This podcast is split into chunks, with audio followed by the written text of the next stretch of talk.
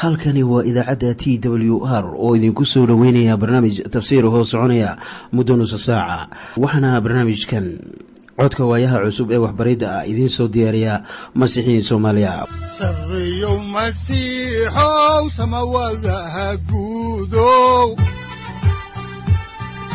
Siraadkii adduunkow subanaha eebow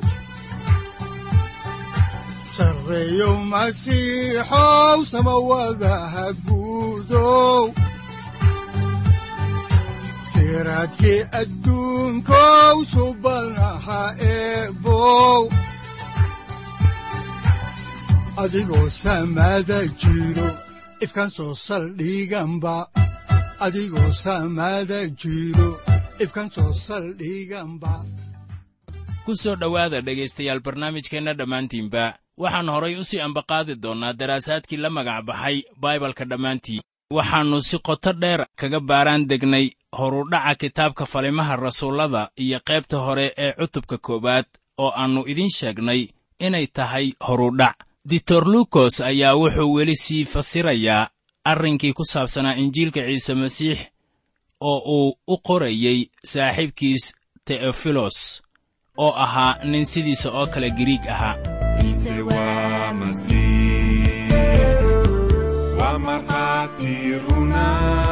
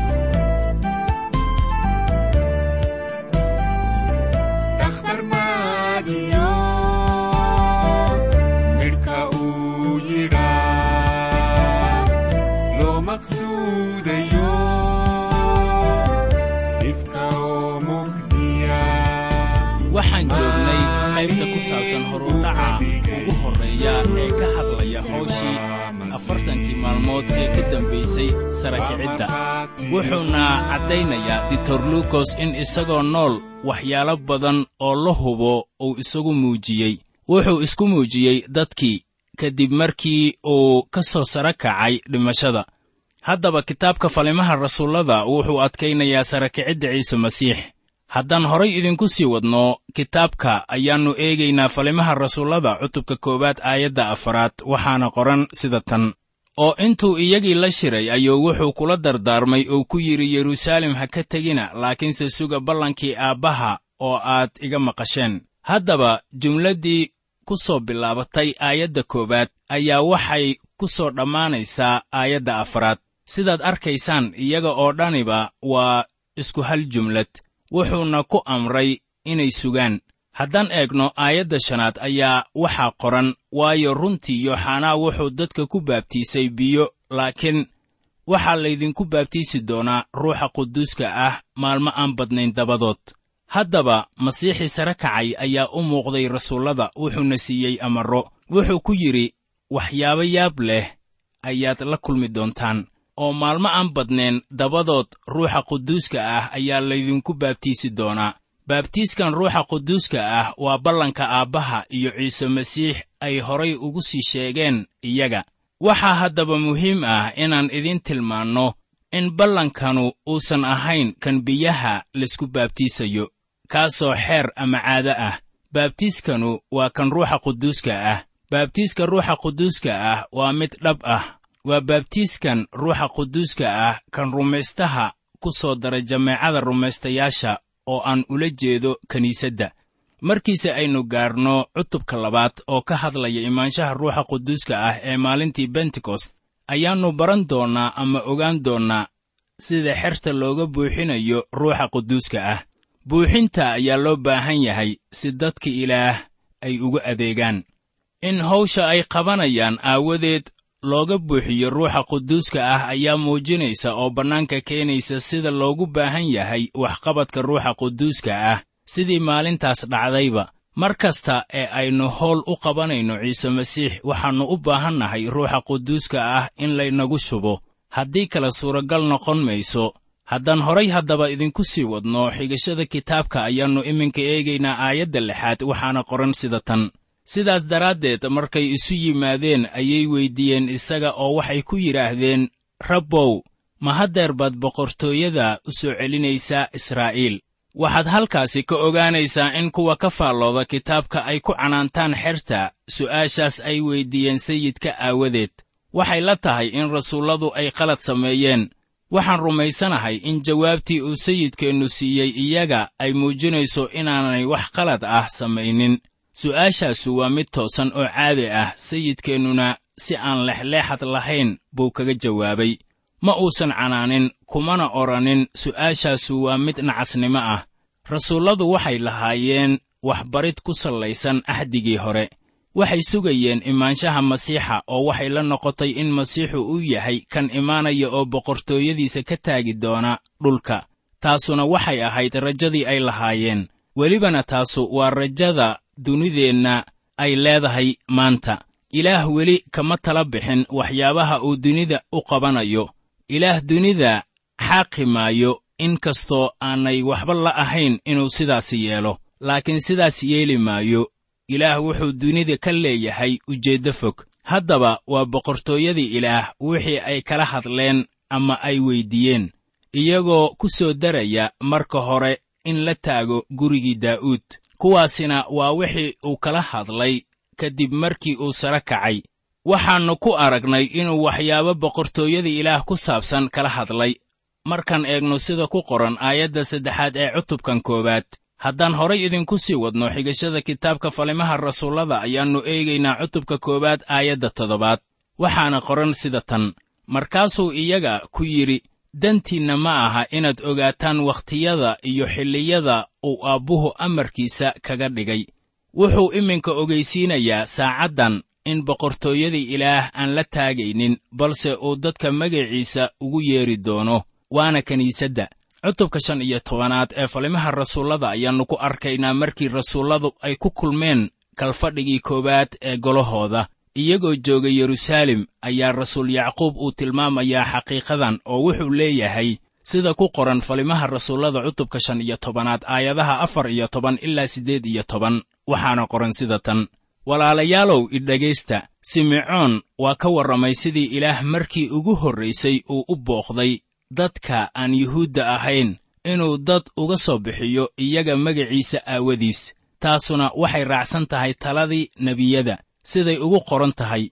Waxyaalahaas dabadeed waan soo noqon doonaa oo mar labaad ayaan dhisi doonaa taambuuggii daa'uud oo dhacay. Oo mar labaad ayaan dhisi doonaa jajabkiisa waanan taagi doonaa.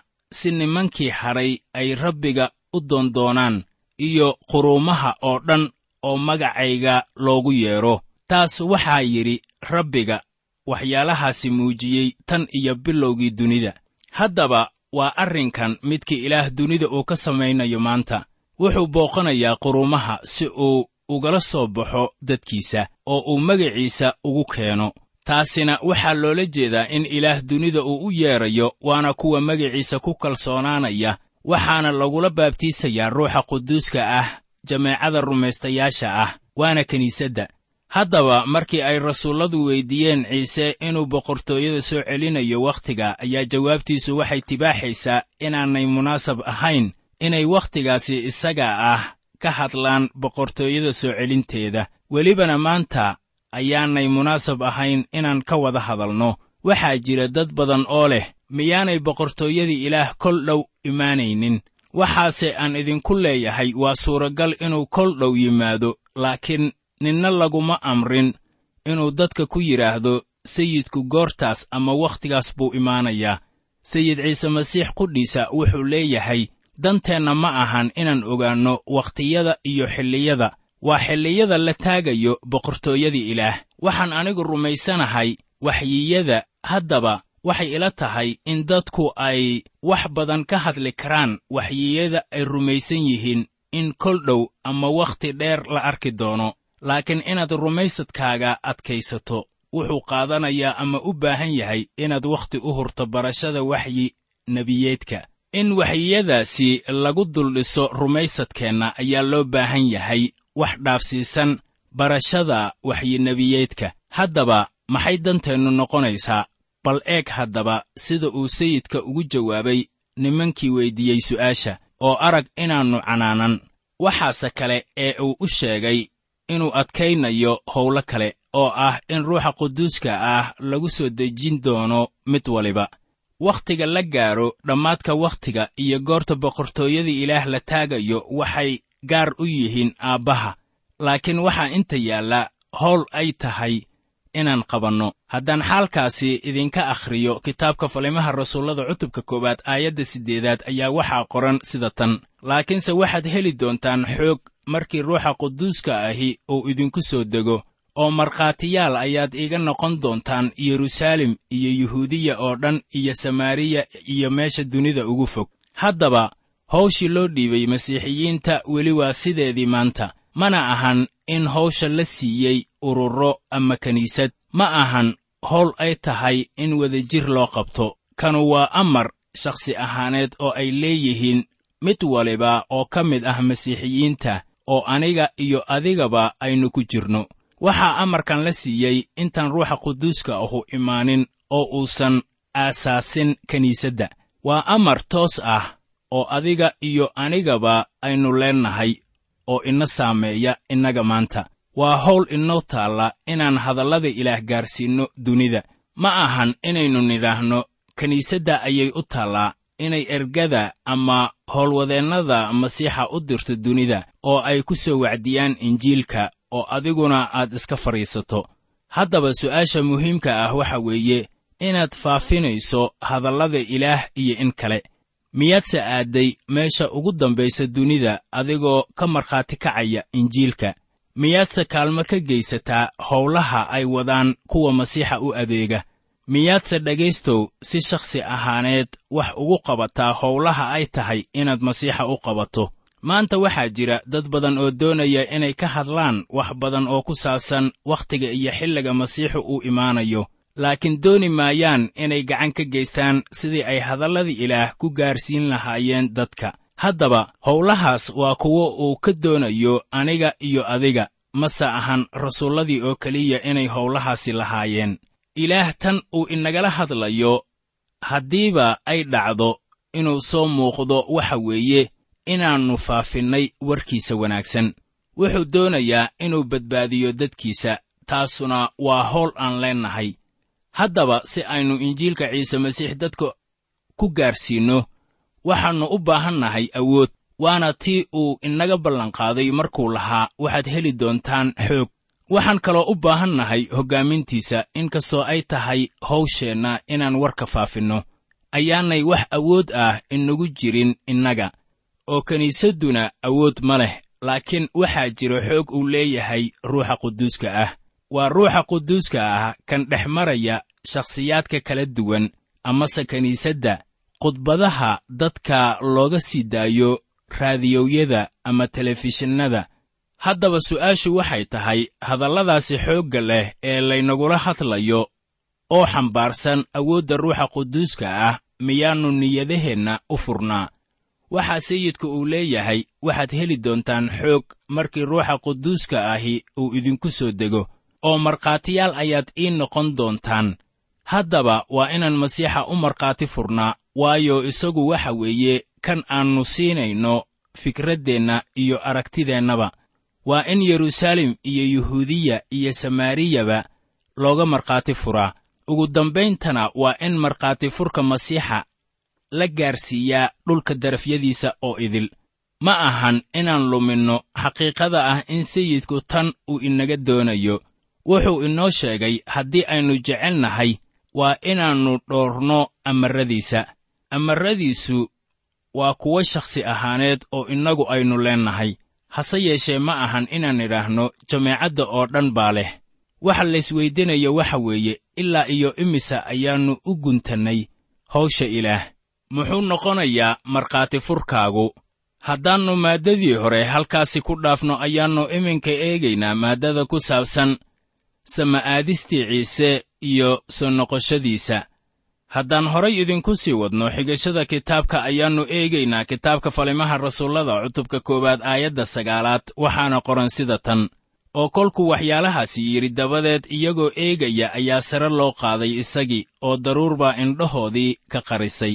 Haddaba sama'aadidda sayid ciise masiix waa muhiim oo waa wax loo baahan yahay marka la eego mucjisooyinkii hawsha sayidka oo weliba waxay muhiim u tahay wakhtigeennan cerbixiyeennadu ay sahminayaan xagga sare halkaasoo sayid ciise masiix uu wakhti hore aaday. Marka dhanka kale laga eego safarrada hawada wax cusub ma ahan waxaana uga horreeyey cid waliba sayid ciise masiix umana baahnayn diyaarad ama gantaal qaada waxaa indhahooda ka qariyey daruur oo daruurtu way soo dhowaanaysay.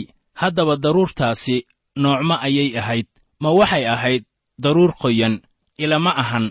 Laakiin waxay ahayd daruurtii horkici jirtay reer banu israa'iil oo la odhan jiray shekenah taasoo macbudka reer banu israa'iil dushiisa fadhiyi jirtay. Markaan eegno ducadiisii wadaadnimo ee ku qoran injiilka sida yooxanaa uu u qoray cutubka toddoba iyo tobanaad aayadda shanaad ayaa waxaa qoran sida tan. Haddana aabbow adiga qudhaadu igu ammaan ammaantaan kula lahaa intaan dunida jirin. Markii uu dunidan ku dhashay ayaa waxaa lagu duuduubay dhar jilicsan. Markii uu dunida ka tegayeyna waxaa hareereeyey daruuro. Taasina waa jidkii uu ugu noqonayay aabbaha. Markaasoo uu fadhiisanayay gacanta midig ee aabbaha. Marka ay rasuulladu daawanayaan waxyaalahan oo dhan ayaa laba malaa'iga ahi ay u muuqdeen kuwii dhulka joogay. Waxay u muuqdeen sida rag wada farriin muhiim ah. Haddaan horay idinku sii wadno xigashada kitaabka falimaha rasuullada cutubka koowaad aayadaha toban ilaa kow iyo toban waxaa qoran sida tan oo intuu sii socday iyagoo samada aad u fiirinaya ayaa waxaa isa soo ag taagay laba nin oo dhar cadcad qaba oo waxay ku yidhaahdeen nimankiinnan reer galiiliyow maxaad la taagan tihiin oo aad samada u eegaysaan? Ciisahan samada laydinka sare qaaday sidaad u aragteen isagoo samada u socda oo kale ayuu u imaan doonaa. Ciise ammaanan ayaa samada loo qaaday oo isla isagaas oo ammaanan ayaa inagu soo noqon doona qorniinka ayaa taasi ka hadlaya oo waxaa ku qoran kitaabkii zakariyah cutubka afar iyo tobanaad aayadda afaraad ee baalka kun boqol siddeetan iyo afar ee axdigii hore sida tan oo maalintaas cagihiisu waxay ku istaagi doonaan buur saytuun taasoo yeruusaalem ka horraysa oo xagga bari ka xigta oo buur saytuunna dhexday uga kala dillaaci doontaa xagga bari iyo xagga galbeed oo waxaa jiri doonta dooxa aad u weyn oo buurta barkeeda wuxuu u durki doonaa xagga waqooyi oo barkeeda kalena wuxuu u durki doonaa xagga koonfureed. Wuxuu ka tegey meeshaasi oo haddana isla meeshaas ayuu ku soo noqon doonaa.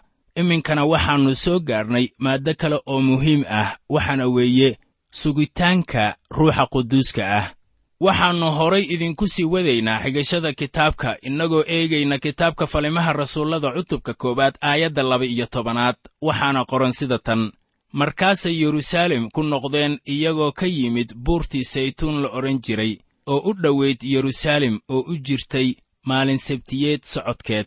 Marka la leeyahay maalin sabtiyeed socodkeed ayaannu arkaynaa in dadka aan loo oggolayn inay socod dheer galaan. Waxay ahayd inay ku meeraystaan ilaa iyo hal mayl si dadku ay halkooda u joogaan. Waxaanay ahayd inaanay ka dheeraanin macbudka wakhtiga maalinnimada markaasoo ay yeruusaalem u yimaadaan cibaadaysiga. Waxaa buur saytuun ka buuxsamaya dad boqollaal gaaraya oo u imaanaya ciidaha sabtiyada. Maxay haddaba ugu imaanayaan ciidahaas? Waxay ugu imaanayaan waxa weeye iyagoo doonaya inay maalinta sabtida joogaan meel ku dhow macbudka si loo cibaadaysto. Haddaan horay idinku sii wadno ayaan eegaynaa kitaabka falimaha rasuullada cutubka koowaad aayadaha saddex iyo toban ilaa siddeed iyo toban waxaana qoran sida tan. Oo markay magaaladii galeen waxay aadeen qowladdii sare meeshay joogi jireen butros iyo yooxanaa iyo yacquub iyo andrus iyo filibos iyo toomas iyo bartolomayos iyo matayos iyo yacquub ina alfayos iyo simon khiroole iyo yudas ina yacquub. Kuwaas oo dhammu iyagoo isku wada qalbi ah ayay ku sii adkaysteen tukasho. Iyagii iyo dumarka iyo maryan oo ahayd ciise hooyadiis iyo walaalihiis. Oo wakhtigaas ayaa butros walaalaha dhexdooda u istaagay oo waxaa wada jiray dad badan oo qiyaastoodu ahayd boqol iyo labaatan. Markaasuu yidhi walaalayaalow waxaa waajib ahaa in qorriinku uu noqdo kaas oo ruuxa quduuska ahu waagii hore afka daa'uud uu kaga hadlay. Waxa ku saabsan yuudas oo ahaa kii waday kuwii qabtay ciise masiix. Maxaa yeelay isaga waa laynagu tirshay oo shuqulkan ayuu qaybtiisii helay. Haddaba ninkaasu meel ayuu ku iibsaday abaalgudka xaqdarradiisa oo intuu madax madax u dhacay ayuu dhexda ka kala dilaacay oo mindhicerkiisii oo dhammuna waa ka soo daatay. Haddaan ka yara faalloonno ayaan ku bilaabaynaa inaan aad ugu farxay in ciise masiix hooyadiis ay halkaasi joogtay. Waxaa markaasi inta laynoogu sheegayaa in sumcaddii ciise la caddeeyey markii maryamo oo keliya ay meesha timid. Waayo wuxuu ahaa mid ka dhashay bikrad waxaa kaloo aynu aragnay in dabeecadda rasuullada ay ahayd inay isku urursanaadaan iyagoo tukanaya oo hal qalbi ama fikrad wada aaminsan oo ilaah sugaya. Haddaba qaybaha kale haddii aan ka faalloonno ayaan arkaynaa in simon butros uu hadlay mar kale. Waxaad ogaataa in weli aannu ruuxa quduuska ahi soo degin oo aan la gaarin maalintii bentekost ninkan wuxuu u baahan yahay in laga buuxiyo ruuxa quduuska ah weliba aniga iyo idinkuba waan u baahannahay. Haddaba hadal aan hagaagsanayn buu kaga hadlayaa ninka la yidhaahda yudas iskariyot hadalladii uu lahaa haddaadan la dhicin waxaad eegtaa injiilka sida matayos uu u qoray cutubka toddoba iyo labaatanaad aayadda shanaad. Siyaalo badan ayaa loo fasiraa gacangelintii yudas uu gacangeliyey ciise masiix. Waxaase ay u muuqataa in ninkan yudas ah uu isaga qar iska tuuray oo markii uu dhulkan dhagaxa leh ku soo dhacay ay caloosha ka dilaacday oo xiidmihiisiina bannaanka ay u soo baxeen. Wixii keenay dhibaatada ku dhacday ayaa waxay tahay inuu lacag jeclaa. Haddaan horay idinku sii wadno xigashada kitaabka falimaha rasuullada cutubka koowaad aayadaha sagaal iyo toban ilaa labaatan waxaa qoran sida tan. Kolkaasaa kuwii yeruusaalem joogay oo dhammu ay wada ogaadeen sidaas daraaddeed meeshaasi waxaa afkooda loogu bixiyey akeldama taas oo macnaheedu uu yahay meeshii dhiigga. Waayo waxaa kitaabkii zabuuradda lagu qoray gurigiisu cidlaha noqdo ninna yuusan meeshaasi degin. Su'aal baa inta ka soo baxaysa. Iyo wakiilnimadiisa mid kale ha qaato. Haddaba miyaa simon butros uu qabtay doorashadan si lagu doorto nin yudas beddelkiisa gala ilama ahan in yudas uu lahaa asbaabtan. Haatanna aynu eegno falimaha rasuullada cutubka koowaad aayadaha kow iyo labaatan ilaa laba iyo labaatan. Waxaana qoran sida tan. Haddaba nimankii inala socday wakhti kasta intuu rabbi ciise ina soo dhex galay inagana dhex baxay uu ka bilaabmay baabtiiskii yooxanaa ilaa maalintii sare laynooga qaaday isaga iyagii midkood waa inuu markhaati inagala ahaado sara kiciddiisa waxaan u malaynayaa doorashada ah in cid lagu beddelo yudas iskariyot inay ka timid butros mana jirin hoggaaminta ruuxa quduuska ah. Weli ruuxa quduuska ah ma imaanin. Matiyas wuxuu sida abbaarta ah ahaa nin wanaagsan. Wuxuu buuxin karay shuruudaha rasuulnimada taasoo loola jeedo inuu arkay sayidkii sare kacay haddaan horay idinku sii wadno xigashada ayaa waxaa ku qoran falimaha rasuullada cutubka koowaad aayadaha saddex iyo labaatan ilaa lix iyo labaatan sida tan. Markaasay laba iska soo saareen kuwaas oo ahaa yuusuf oo la odhan jiray barrabas oo naynaastiisu ay ahayd yustos iyo martiyas. Markaasay tukadeen oo yidhaahdeen rabbow adigoo garanaya qalbiga dadka oo dhan na tus labadan kaa dooratay inuu galo meeshii shuqulkan iyo rasuulnimadan oo yuudas uu ka dhacay inuu meeshiisa tago. Markaasay u saami riteen saamigiina wuxuu ku dhacay matiyas oo isagana waxaa lagu daray kow iyo tobankii rasuul. Haddaba aniga ilama muuqato markaan eego xaalkan in ruuxa quduuska ahu uu hoggaaminayo rasuullada amase in ilaah uu ku hoggaamiyey mid hawsha ku habboon inuu qabto matiyas ayaa beddelay yuudas laakiin ma la odhan karaa wuxuu ahaa rasuul. Habeen dambe ayaannu faalladaasi eegaynaa dhegaystayaal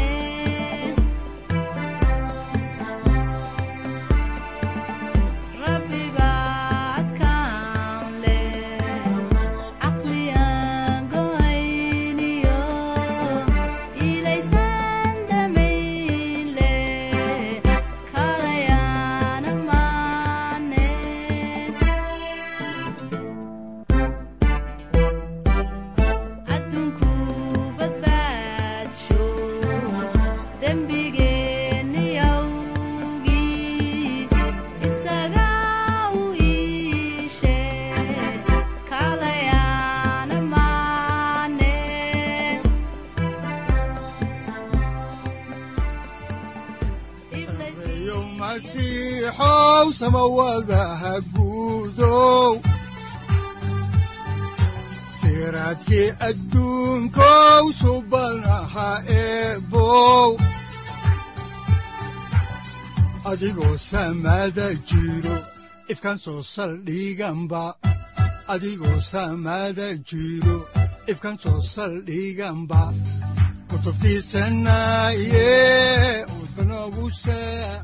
halkani waa t w r idaacadda t w r oo idinku leh ilaa ha idin barakeeyo oo ha idinku anfaco wixii aad caawi ka maqasheen barnaamijka.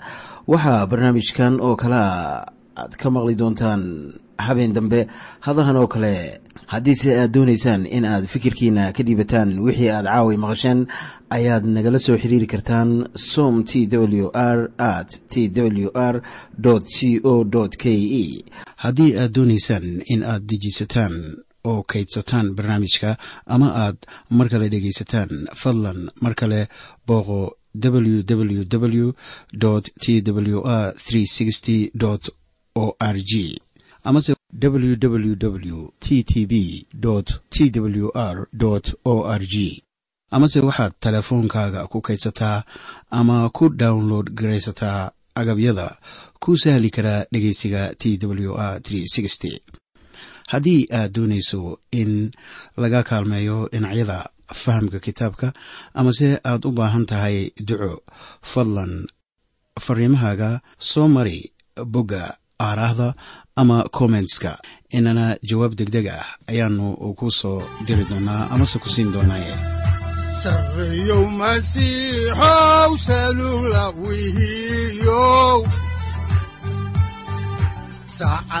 timid dhulka sabada ku dhalatiyo